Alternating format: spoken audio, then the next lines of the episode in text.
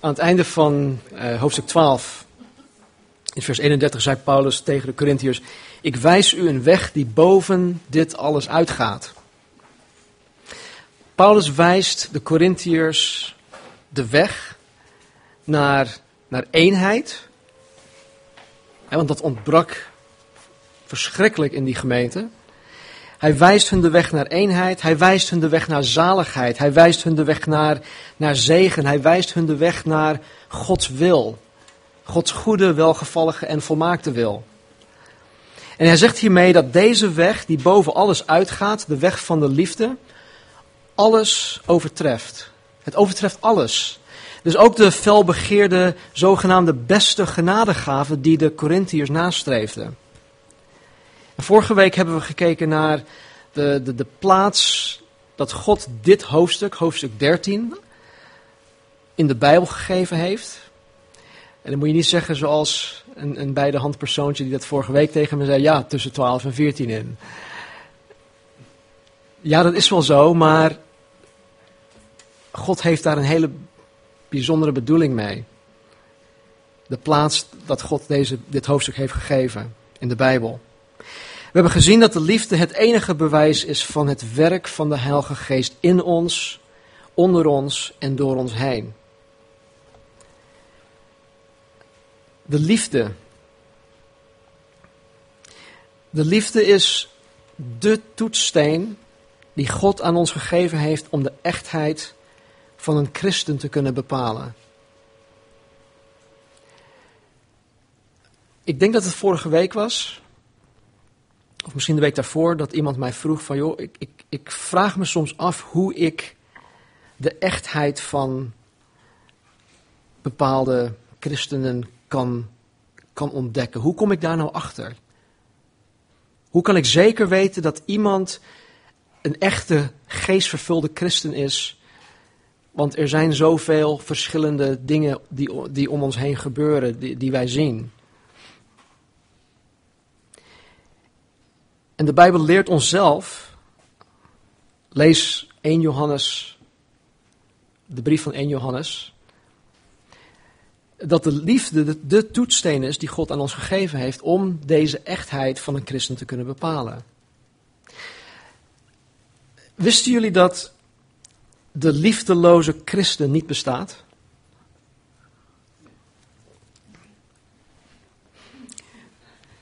Echt niet. De term liefdeloze christen is een paradox. Het is tegenstrijdig, het, het, is onmogelijk. Met andere woorden, als je een christen bent, een echte christen, het, het spijt me dat ik het zelf zo moet gaan kwalificeren. Eh, ik vind het zo mooi hoe, hoe Wichler Tamboer dat altijd zei. Of, uh, hij zegt, joh, ja, uh, niet een christen die vroom is op zondag en dreesman op maandag. Maar een, een, echte, een echte christen. En weet je, het, het woord christen betekent als Christus.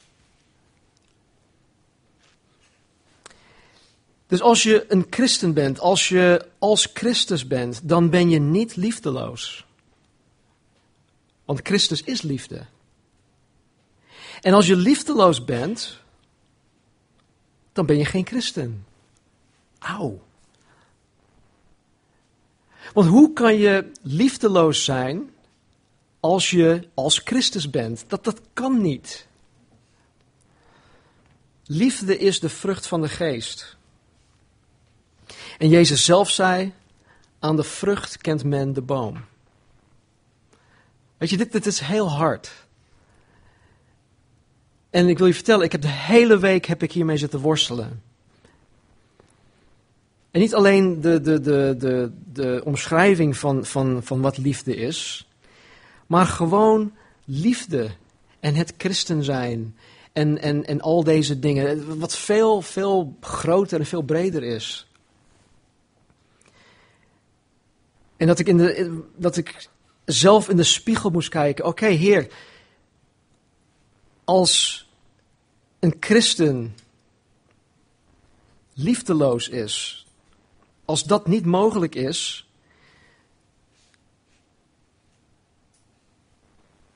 ben ik dan wel een christen? De, de, de, Bijbel, Paulus zegt in, in hoofdstuk 11 en ook in, in 2 Korinthe dat wij onszelf moeten gaan onderzoeken. Of we daadwerkelijk zijn wie wij beweren te zijn.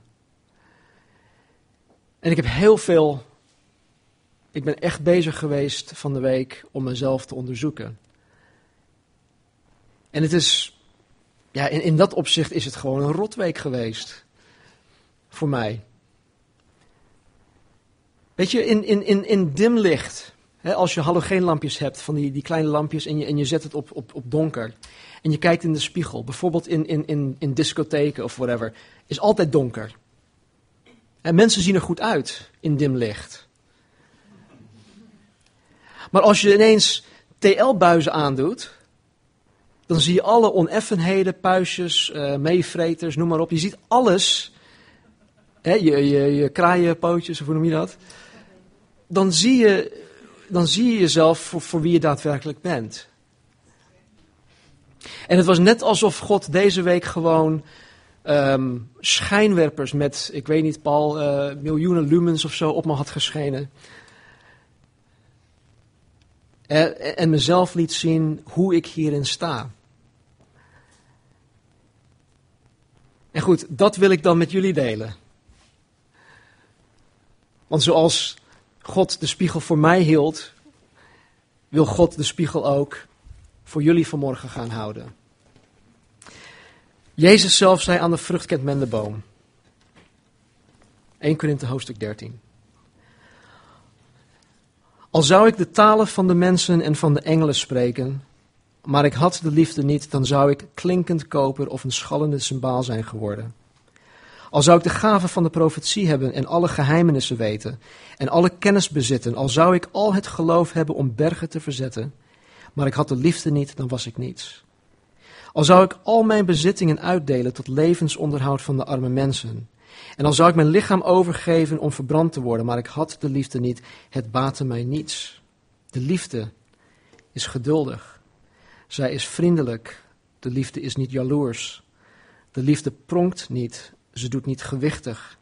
Ze handelt niet ongepast. Ze zoekt niet haar eigen belang. Ze wordt niet verbitterd. Zij rekent het kwaad niet toe, zij verblijdt zich niet over de ongerechtigheid. Zij verheugt zich echter over de waarheid. Alle dingen bedekt zij, alle dingen gelooft zij, alle dingen hoopt zij, alle dingen verdraagt zij. De liefde vergaat nooit. Wat dan profetieën betreft, zij zullen niet gedaan worden. Wat talen betreft, zij zullen ophouden. Wat kennis betreft, zij zal niet gedaan worden. Want wij kennen ten dele en wij profiteren ten dele. Maar wanneer het volmaakte zal gekomen zijn, zal wat ten dele is teniet gedaan worden. Toen ik een kind was, sprak ik als een kind, dacht ik als een kind, overlegde ik als een kind. Maar nu ik een man ben geworden, heb ik het kinderlijke teniet gedaan. Nu immers kijken wij door middel van een spiegel in een raadsel, maar dan zullen wij zien van aangezicht tot aangezicht. Nu ken ik ten dele. Nu ken ik ten dele maar dan zal ik kennen zoals ook ik gekend ben. En nu blijft geloof, hoop, liefde, deze drie.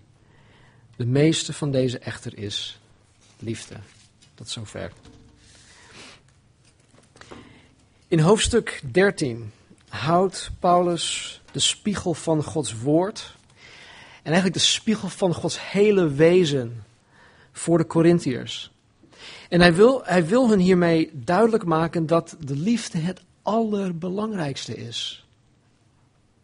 Zelfs meer belangrijk, belangrijk dan de genadegave van de Heilige Geest, die de Corinthiërs zo hoog in het vaandel hielden en ook ijverig nastreefden. In vers 1 tot en met 3 zegt hij: Al zou ik de talen van de mensen en van de engelen spreken, maar ik had de liefde niet, dan zou ik een klinkend koper of een schallende symbaal zijn geworden. Al zou ik de gave van de profetie hebben en alle geheimenissen weten en alle kennis bezitten, al zou ik al het geloof hebben om de bergen te verzetten, maar ik had de liefde niet, dan was ik niets. Al zou ik al mijn bezittingen uitdelen tot levensonderhoud van arme mensen, en al zou ik mijn lichaam overgeven om verbrand te worden, maar ik had de liefde niet, het baatte mij niets. In deze drie versen gebruikt Paulus hyperbole. Ik weet niet of jullie dat weten, wat wat is uh, hyperbole voor de English speakers. Uh, hyperbole is geen spel, hè, dat je hyper gaat bolen of zo, maar een hyperbol is een sterk overdreven uitdrukking van iets dat niet letterlijk opgevat moet worden. En bijvoorbeeld een zee van tranen. Of ik, heb, ik heb hier een eeuw zitten wachten. En nou, een zee van tranen bestaat niet, toch? Nee, maar het geeft wel aan dat iemand heel veel gehuild heeft. En, niemand heeft ooit een eeuw, honderd jaar lang, dag in dag uit, op iets of iemand zitten wachten. Uh, maar het, het, geeft aan dat, dat uh, in zijn of haar beleving ze gewoon heel lang hebben moeten wachten op iets of iemand. En in vers 1 tot 3 overdrijft Paulus behoorlijk om zijn punt duidelijk te maken. Hij zegt in vers 1: Al zou ik de talen van de mensen en van de engelen spreken, maar ik had de liefde niet, dan zou ik klinkend koper of een schallende symbaal zijn geworden. Hij noemt hier ten eerste de genadegave van tongen of van talen. Het is eigenlijk hetzelfde, talen, tongen. En niet alleen eh, talen van mensen, wat wij in Handelingen 2 hebben gezien, maar hier noemt hij ook de talen van engelen. Engelentaal. Nou, binnen het evangelisch christendom zijn de meningen over dit, dit, deze uitspraak verdeeld. En um, we weten niet, uh, ja, of we weten niet, uh, de meningen zijn verdeeld over, over wat Paulus precies bedoelt hiermee. Engelentaal. Maar omdat ik deze discussie niet belangrijk vind voor dit onderwerp, uh, ga ik me daar vanmorgen niet in verdiepen. wat ik wel wil zeggen, is dat Paulus hiermee duidelijk maakt of aangeeft dat al zou hij de engelentaal machtig zijn, zonder liefde het totaal geen waarde heeft. Zonder dat de vrucht van de geest, liefde, aanwezig is, heeft het spreken in talen of tongen absoluut geen waarde. Het heeft geen waarde. In Korinthe ging het spreken in tongen, of talen, gepaard met eigen eer. Het ging om eigen eer, zelfverheerlijking. En de gedachte daar was: hé hey, mensen, kijk naar mij. Kijk hoe geestelijk ik ben. want ik, ik, ik spreek in talen. Kijk hoe geestelijk ik ben. Nou, dit heeft niets met de zelfopofferende liefde te maken. Dit heeft alleen maar met zelf te maken. Je eigen ik. En het maakte de Corinthiërs niets uit dat de mensen om hun heen er geen baat bij hadden. En dat zij dus hardop in, in, in tongen zaten te, stonden te praten. En de houding in Korinthe was eigenlijk, zoals we hier in Nederland ook zeggen, ikke, ikke, ikke, de rest kan stikken.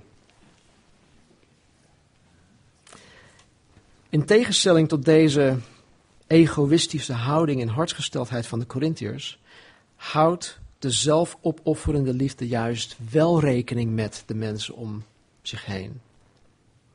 Het gaat de liefde om de ander, niet om zichzelf. En vandaar dat Paulus zegt: Al zou ik de talen van mensen en van engelen spreken, maar ik had de liefde niet, dan zou ik een klinkend koper of een schallende symbaal, zijn geworden.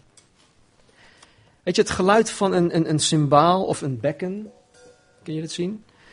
Het geluid van zo'n bekken kan heel mooi zijn wanneer het op de juiste manier en op het juiste moment gebruikt wordt. Maar wanneer het niet gebruikt wordt zoals het bedoeld is, dan heeft niemand er wat aan. Ja, behalve misschien de gek die erop staat te rammen. En maar de mensen om zich heen, die hebben er niks aan. Het geluid is dan alleen maar irritant. En het veroorzaakt een hoop ergernis. Ik heb Sander Verhoeven gevraagd om een, om, om een mee te nemen. Nou, hier, hier heb je hem.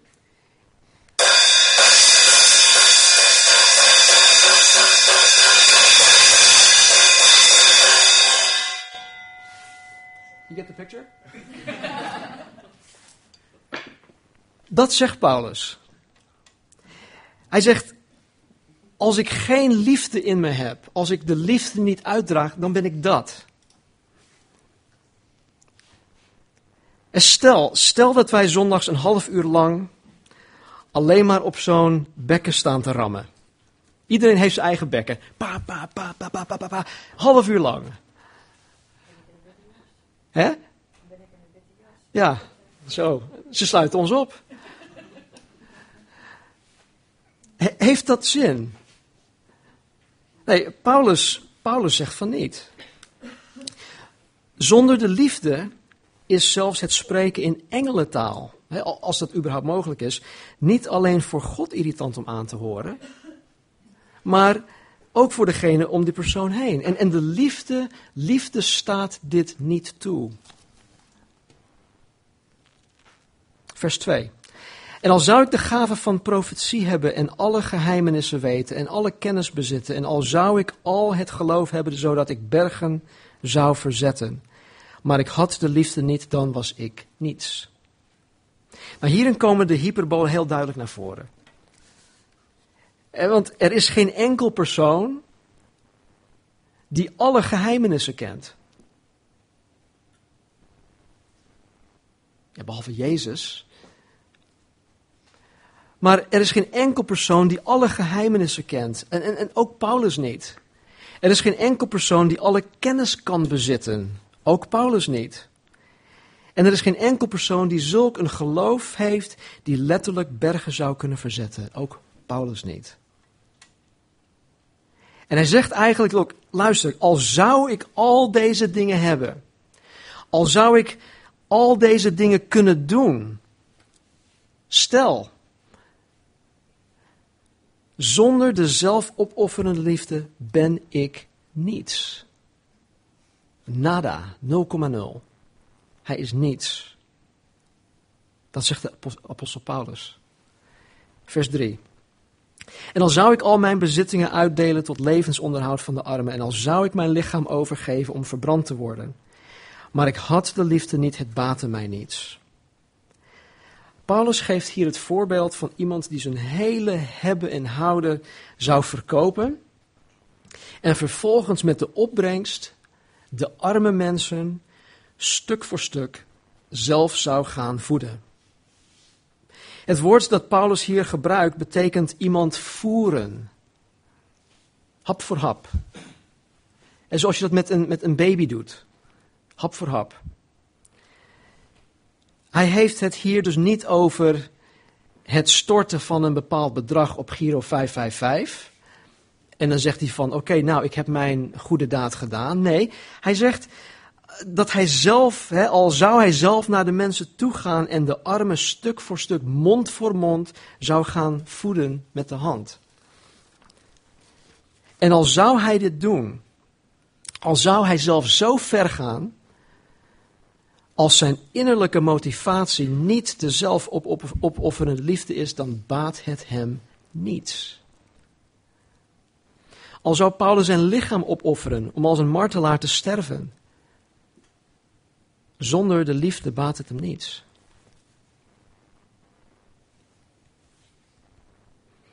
Nou, dit waren de dingen die de Corinthiërs meer belangrijk vonden dan de liefde.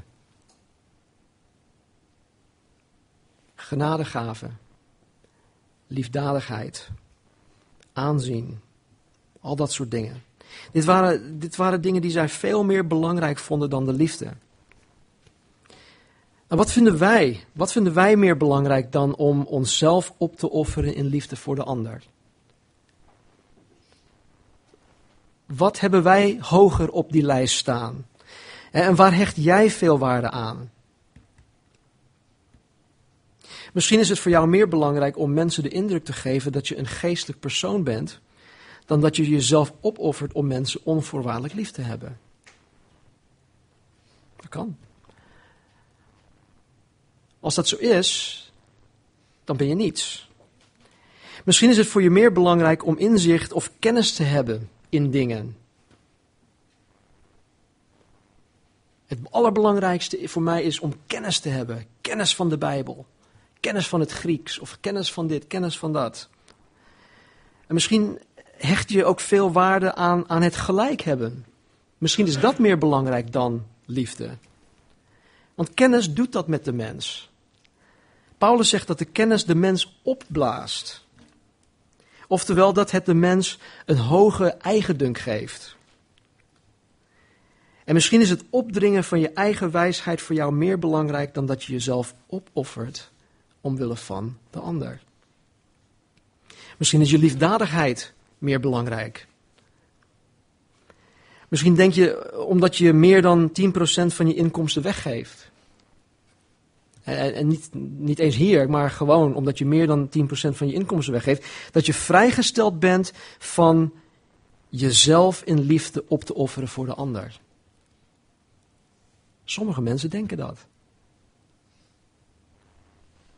Nou, ik heb dit al gedaan. Dus ja. Liefde is jezelf opofferen. Liefde is jezelf opofferen, maar, hele grote maar, jezelf opofferen is niet per se liefde. Want er kunnen allerlei andere motieven zijn om jezelf op te offeren. Nou, waar Paulus' redenering uiteindelijk op neerkomt, is dit. In vers 1, 2 en 3. Vers 1, liefdeloosheid levert niets op dat van waarde is.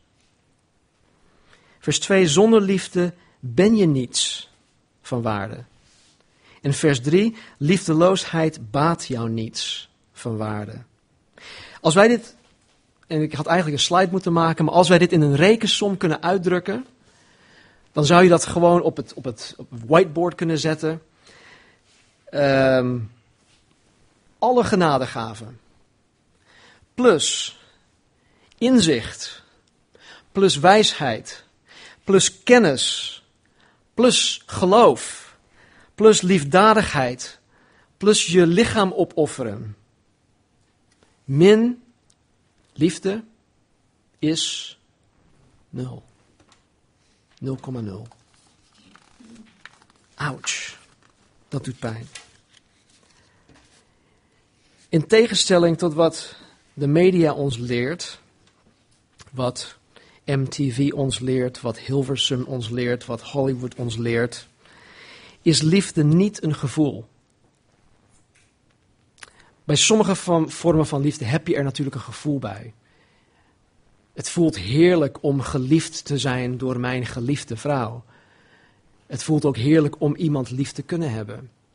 Dus in sommige vormen van liefde is er natuurlijk wel een gevoel bij. Maar bijbelse liefde, agape, dat heeft niets met gevoel te maken. Agape komt voort uit een keuze. Een keuze die je maakt om of voor jezelf te kiezen, of ervoor te kiezen om jezelf geheel aan de heerschappij van Jezus over te geven. Als je voor jezelf kiest, dan zal de agape niet uit je leven voortvloeien. Dan zal je de vrucht van de geest niet dragen. Want alles draait om jezelf. En dus de enige manier om agape voort te laten vloeien uit je leven is door aan jezelf, dit doet pijn, is door aan jezelf te sterven en jezelf te laten regeren door de Heilige Geest. Dag aan dag je leven, jezelf op het altaar neerleggen om gedood te worden, om geslacht te worden, zodat het leven van Jezus Christus in ons, ons wezen weer tot leven kan brengen, in zijn wezen. Een van de grootste problemen die de kerk in Korinthe had, was verdeeldheid. En het eerste dat Paulus zegt na zijn aanhef in de brief, in hoofdstuk 1, hij zegt dit. Hij zegt, ik roep u ertoe op, broeders, door de naam van onze Heer Jezus Christus, dat u allen eensgezind bent in uw spreken, dat er onder u geen scheuringen zijn, maar dat u hecht aan één gesmeed bent, één van denken en één van gevoelen. We hebben uitgebreid over dit stuk gesproken. De studie staat op de website. Mocht je het willen beluisteren, ga naar www.calvarychapel.nl. Het staat er en je mag het gratis downloaden. En deze Corinthiërs waren verdeeld. Ze waren verdeeld. En de enige manier om tot de gewenste eenheid te komen was door de liefde. En vandaar dat God ons hoofdstuk 13 heeft gegeven. Hoofdstuk 13 heeft ten eerste, of primair, de toepassing op de gemeente. Gods kinderen onder elkaar. De liefde voor elkaar. Ik weet dat, dat dit, dit, vaak gebruikt wordt in, in, in, in, in huwelijksinzegeningen en in, in hè, dat soort um, um, gelegenheden. Maar daar, dat is niet de, de, de, de primaire bedoeling. De primaire bedoeling is de liefde onder elkaar in Gods koninkrijk, in Gods huis, in Gods gemeente. En vandaar dat hij hoofdstuk 13 aan ons heeft gegeven. Weet je, christenen, ik weet niet of jullie dit ooit is opgevallen, mij wel. Maar christenen hebben nou eenmaal hun eigen meningen. Ja. En de een is het niet eens bijvoorbeeld met. En ik, ik, ik bedoel het niet fout hoor, maar de een heeft bijvoorbeeld. Uh, of is het niet eens met de muziekkeuze. De, uh, die is het niet eens met de preek. Of die is het niet eens met de zondagsschool. Of met de leiderschap. Of die is het dan weer niet eens met de manier uh, er, er gecommuniceerd wordt. Die is het niet eens met de beslissingen die genomen worden. Die is het niet eens met de informele manier van onze diensten. Die is het niet eens met de Engelse liederen, uh, organisatie, noem maar op. Het de lijst gaat door en door.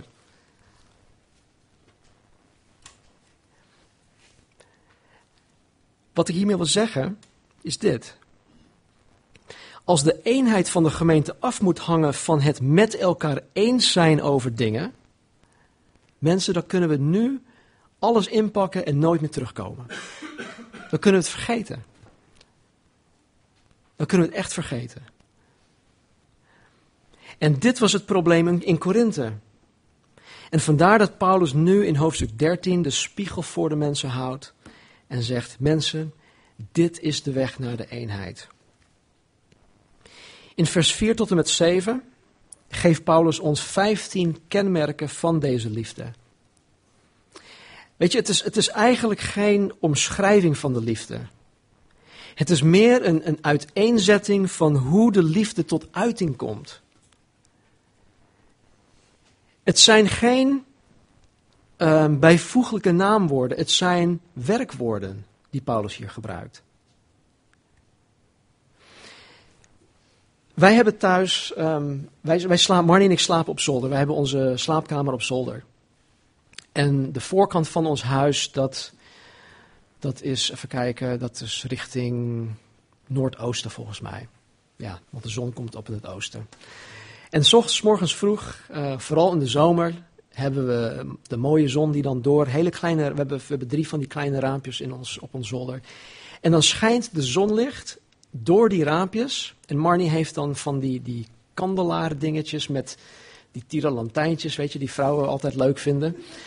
En uh, ja, ik, ik, noem ze stofvervangers, maar goed, dat is wel een verhaal. Uh, maar het zijn van die kristallen. Het zijn hele, ja, hele mooie kristallen dingen eigenlijk. En, en het licht schijnt door zo'n zo'n kristal heen. En, en het, het, is ja, het is een prisma. En dan krijg je op ons, uh, ons doek achter ons, dat is dan een, uh, een verduisterend, uh, hoe noem je een rolgordijn. Het is wit van kleur. En dan zie je overal van die, die, die, ja, die kleuren. En het is eigenlijk uh, hoe wij liefde moeten zien, of hoe het hier omschreven wordt door Paulus, is het is alsof de liefde door zo'n prisma heen gaat en het, het, het, het, het, het, wordt verspreid in allerlei verschillende kleuren. En dit is eigenlijk meer een, een, omschrijving van de veelkleurige, uh, veelkleurigheid van Gods liefde. Dus we kunnen deze woorden meer als werkwoorden, werkwoorden zien dan als bijvoeglijke naamwoorden. Vers 4. De liefde is geduldig. Zij is vriendelijk. De liefde is niet jaloers. De liefde pronkt niet. Zij doet niet gewichtig. De eerste. De liefde is geduldig. Het Grieks woord daarvoor is, en ik zeg het waarschijnlijk fout, Gerry, sorry. Macrotimeo. Het betekent tot het uiterste geduldig zijn tot het uiterste geduldig zijn. En in het bijzonder tot het uiterste geduldig zijn met mensen. Tot het uiterste geduldig zijn met mensen.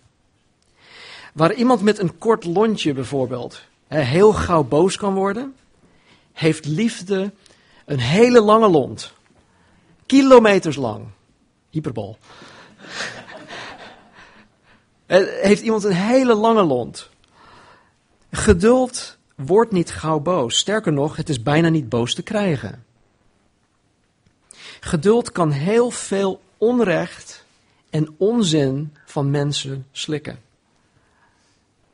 Chrysostomus, een van de kerkvaders, zei dit over dit woord macrotimeo. Hij zegt, dit is een woord dat gebruikt wordt voor de mens die grof benadeeld is, of die onrecht aangedaan is, die alle macht en mogelijkheid bezit om zichzelf te wreken, maar het niet doet. Dit is een woord dat gebruikt wordt voor de mens die grof benadeeld is, of die onrecht aangedaan is, die alle macht en mogelijkheid bezit om zichzelf te wreken, maar het niet doet. Dit soort geduld wordt in de wereld absoluut niet gewaardeerd. Het wordt niet gewaardeerd. Het wordt gezien als zwakheid. Het wordt gezien als zwakheid, want de wereld leert ons dat wij voor onszelf op moeten komen. Wij moeten op onze strepen staan. Dus wanneer iemand zichzelf niet wreekt, of wanneer iemand eindeloos geduld heeft met een ander die hem persoonlijk benadeelt of misschien onterecht uh, oordeelt, dan wordt die persoon gezien als een slappeling.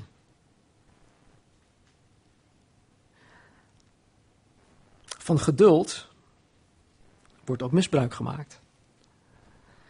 Bijvoorbeeld, mensen die voor zichzelf leven, die een verborgen agenda hebben misschien.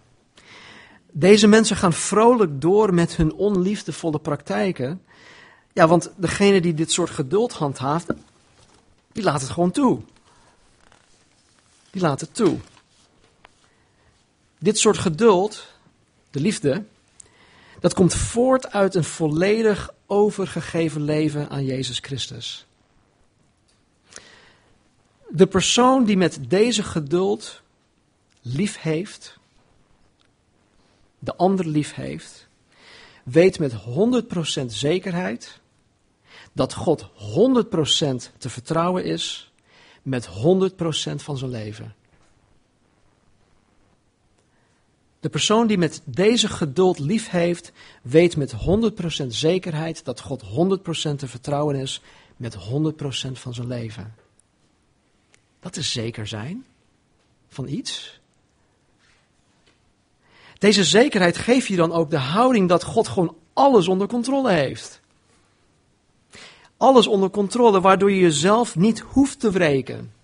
Waardoor je jezelf uh, niet, ja, waardoor je niet op je strepen hoeft te staan. Niet voor jezelf hoeft op te komen en jezelf niet te moeten gaan verdedigen.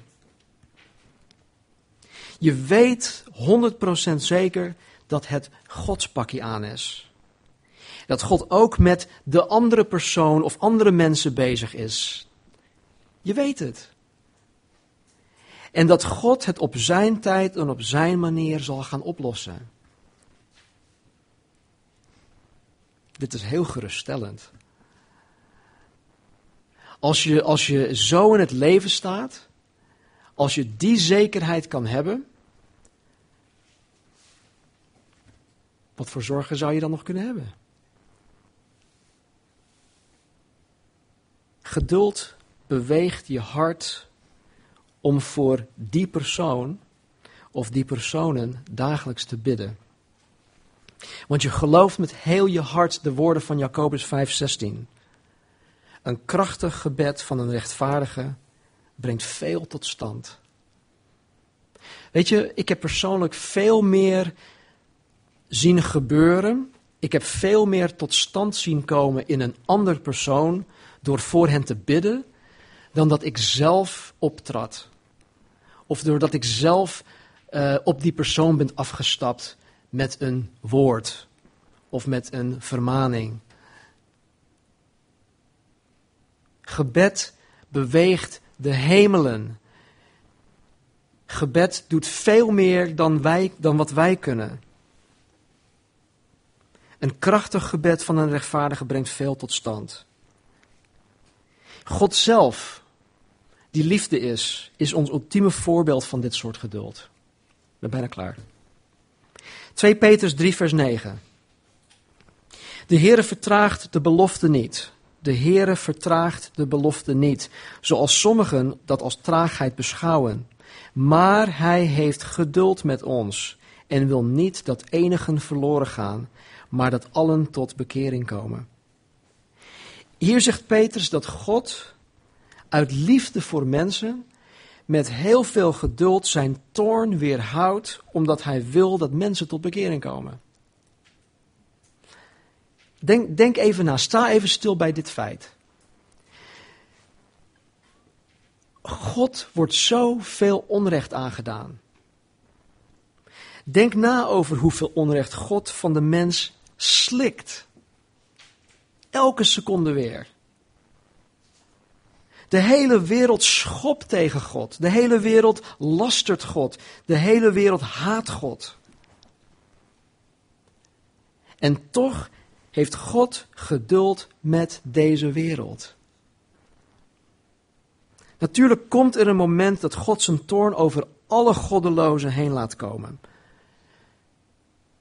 Als je wil weten hoe dat eruit gaat zien, lees Openbaring 6 tot en met 18. Het is verschrikkelijk. Als dat je niet grijpt, dan weet ik niet wat je grijpen zal. Openbaring 6 tot en met 18.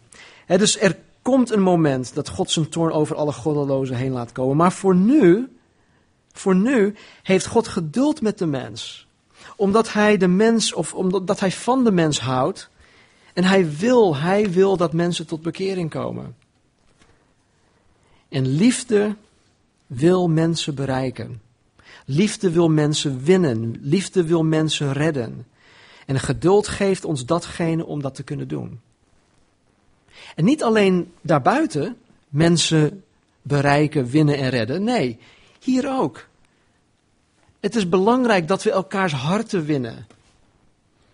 Als er oneenigheid is, dan is het zaak dat wij elkaars harten veroveren.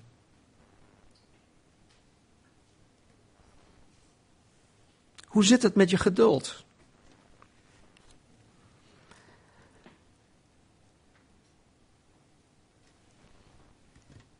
Hoe zie je je broers en zussen die misschien op een heel ander niveau zitten op het geestelijk gebied? Hoe zie je je broers en zussen die misschien niet zoveel weten als jij? Of niet zoveel weten als jij denkt dat je weet? Hoe zie je mensen die het niet zo zien als jij? Misschien doordat we een andere cultuur hebben als, als afkomst of whatever. En voor sommigen ben ik nog te Amerikaans. En dat kan een, een, een plus zijn, maar het kan ook een min zijn.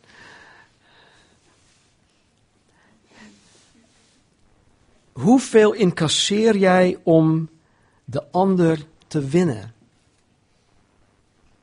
En want stel, stel dat, dat, dat je mij te Amerikaans vindt.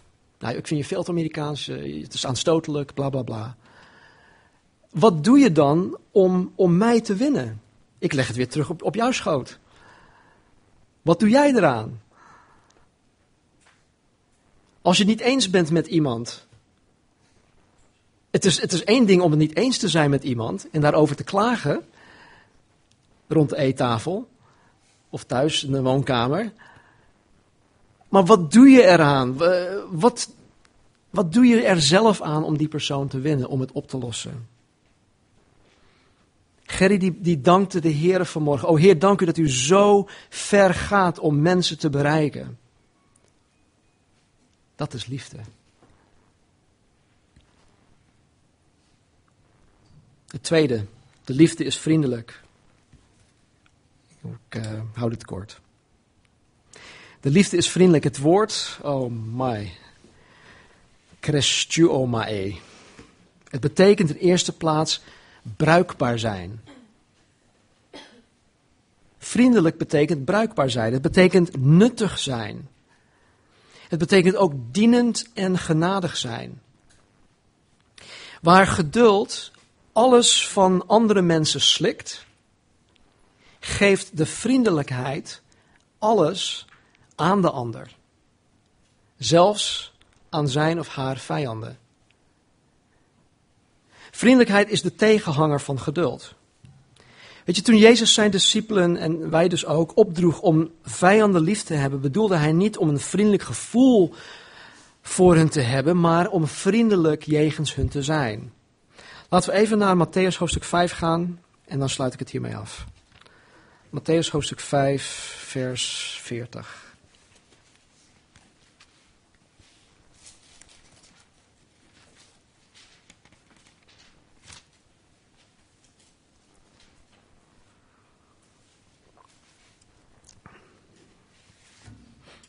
Even kijken, Matthäus, oh, ik zit in Lucas, sorry.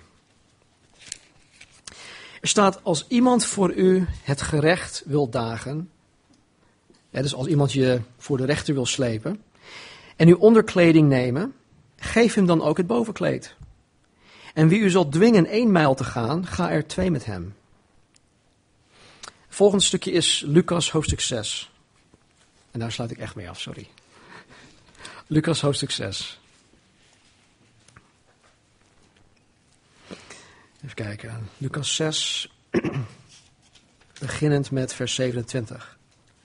Lucas 6, vers 27.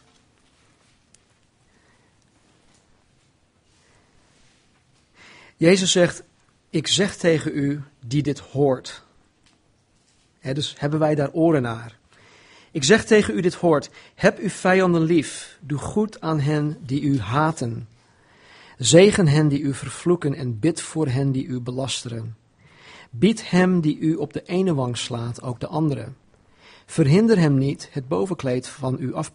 Verhinder hem die het bovenkleed van u afpakt, niet ook uw onderkleren te nemen. Maar geef aan ieder die iets van u vraagt en eis niet terug van hem die neemt wat van u is. En zoals u wilt dat de mensen u doen, doet u ook hun zo. En als u hen lief hebt, of, en als u hen lief hebt die u lief hebben, wat voor dank komt u daarvoor toe? Immers ook de zondaars hebben degene lief die hen lief hebben. En als u goed doet aan hen die aan u goed doen, wat voor dank komt u daarvoor toe? Immers ook de zondaars doen hetzelfde.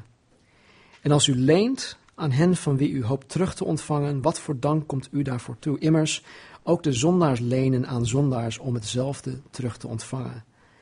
Maar heb uw vijanden lief en doe goed en leen zonder te hopen iets terug te krijgen, dan zal uw loon groot zijn en u zult de kinderen van de Allerhoogste zijn.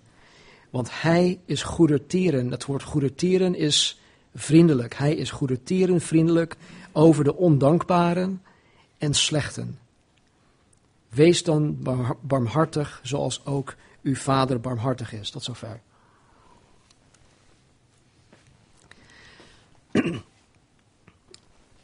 Er staat, Hij, God, is vriendelijk over de ondankbaren en de slechten.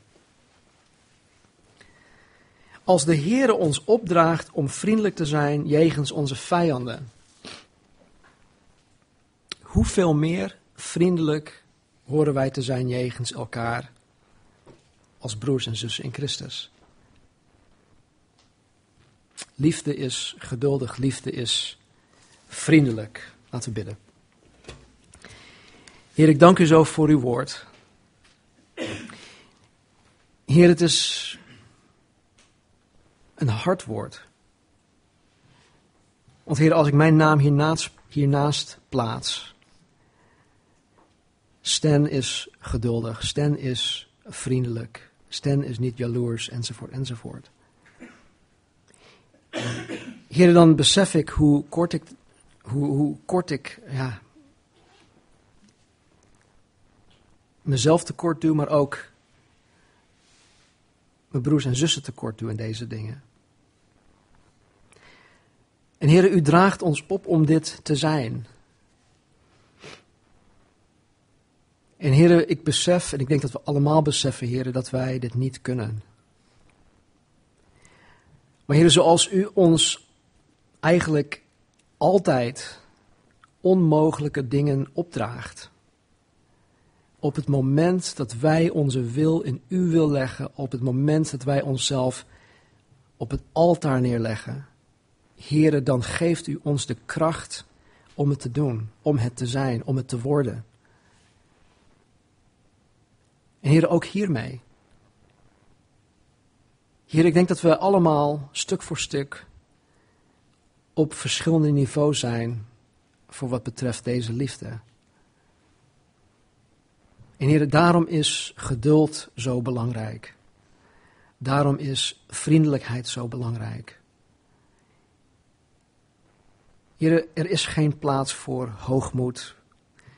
Heer, er is geen plaats voor, voor ons om te zeggen van ik heb wel lief en jij niet. Of ik heb anderen meer lief dan jij. Want Heer, het is alleen door uw geest die in ons werkt dat wij vrucht doen dragen. En Heer, liefde is de vrucht van de geest. Het is uw werk. Heer, help ons. Help ons van vandaag, morgen, overmorgen, de week, Heer. De rest van onze dagen hier op aarde, Heer, te beseffen dat wat u van ons verlangt niet mogelijk is in ons eigen kracht. Maar Heer, alleen mogelijk is wanneer we onszelf geheel aan u geven. Want dan komt u met uw liefde in ons, dan doet u de dingen die nodig zijn om ons eigen ik af te doen breken en uw liefde, Heer, te doen opstaan. Dus Heer, help ons. Help ons, Heer, om, om te worden zoals Jezus Christus, zodat we de naam, de term, de titel, christen, ook daadwerkelijk, heren, en ook waardig mogen dragen. Dank u wel. Ik zie uit, Vader, naar wat u in en door dit hoofdstuk in ons gaat doen. Omwille, Heer, van uw naam, in Jezus' naam. Amen. Amen.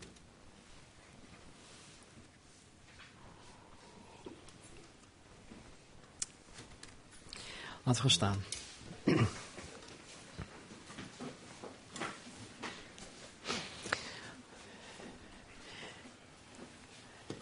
Ik geloof dat als je eerlijk bent, dan ben je tot hetzelfde besef gekomen als ik van de week en vanmorgen ook weer dat ik dit niet kan.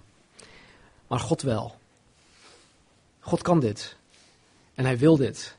Gods wil voor ons is dat wij worden zoals Hij. Dus geef jezelf deze dag, vandaag, deze week, geheel over aan zijn wil. Geheel over aan zijn macht, zijn kracht, zijn heerschappij. En weet je, besluit morgenochtend, op het moment dat je wakker wordt, besluit om tot de ochtendpauze. Stel dat je om tien uur die ochtendpauze houdt. Besluit om tot de ochtendpauze Gods wil volkomen te willen kennen en te, en te doen. Je zult merken dat als je het tot de ochtendpauze kan doen, dan kan je het ook tot de lunchpauze doen. En als je het tot de lunchpauze kan doen, dan kan je het ook tot de middagpauze doen. En voordat je het weet, bid je gewoon elke dag, o Heer, laat mij uw wil kennen en doen. Ik wil een dader zijn van uw wil. En dan, dan is het misschien nog steeds een worsteling van moment tot moment, maar je bent, er, je bent ervan bewust en je gaat er bewust mee om. Liefde, mensen, is het enige wat ons kenmerkt als de christen. Dus wees daarvan bewust, wees daarvan vervuld en heb elkaar gewoon lief. Mannen, je vrouwen, vrouwen, je mannen, kinderen, je ouders en andersom ook. En wees daarin gezegend. In zijn naam. Amen.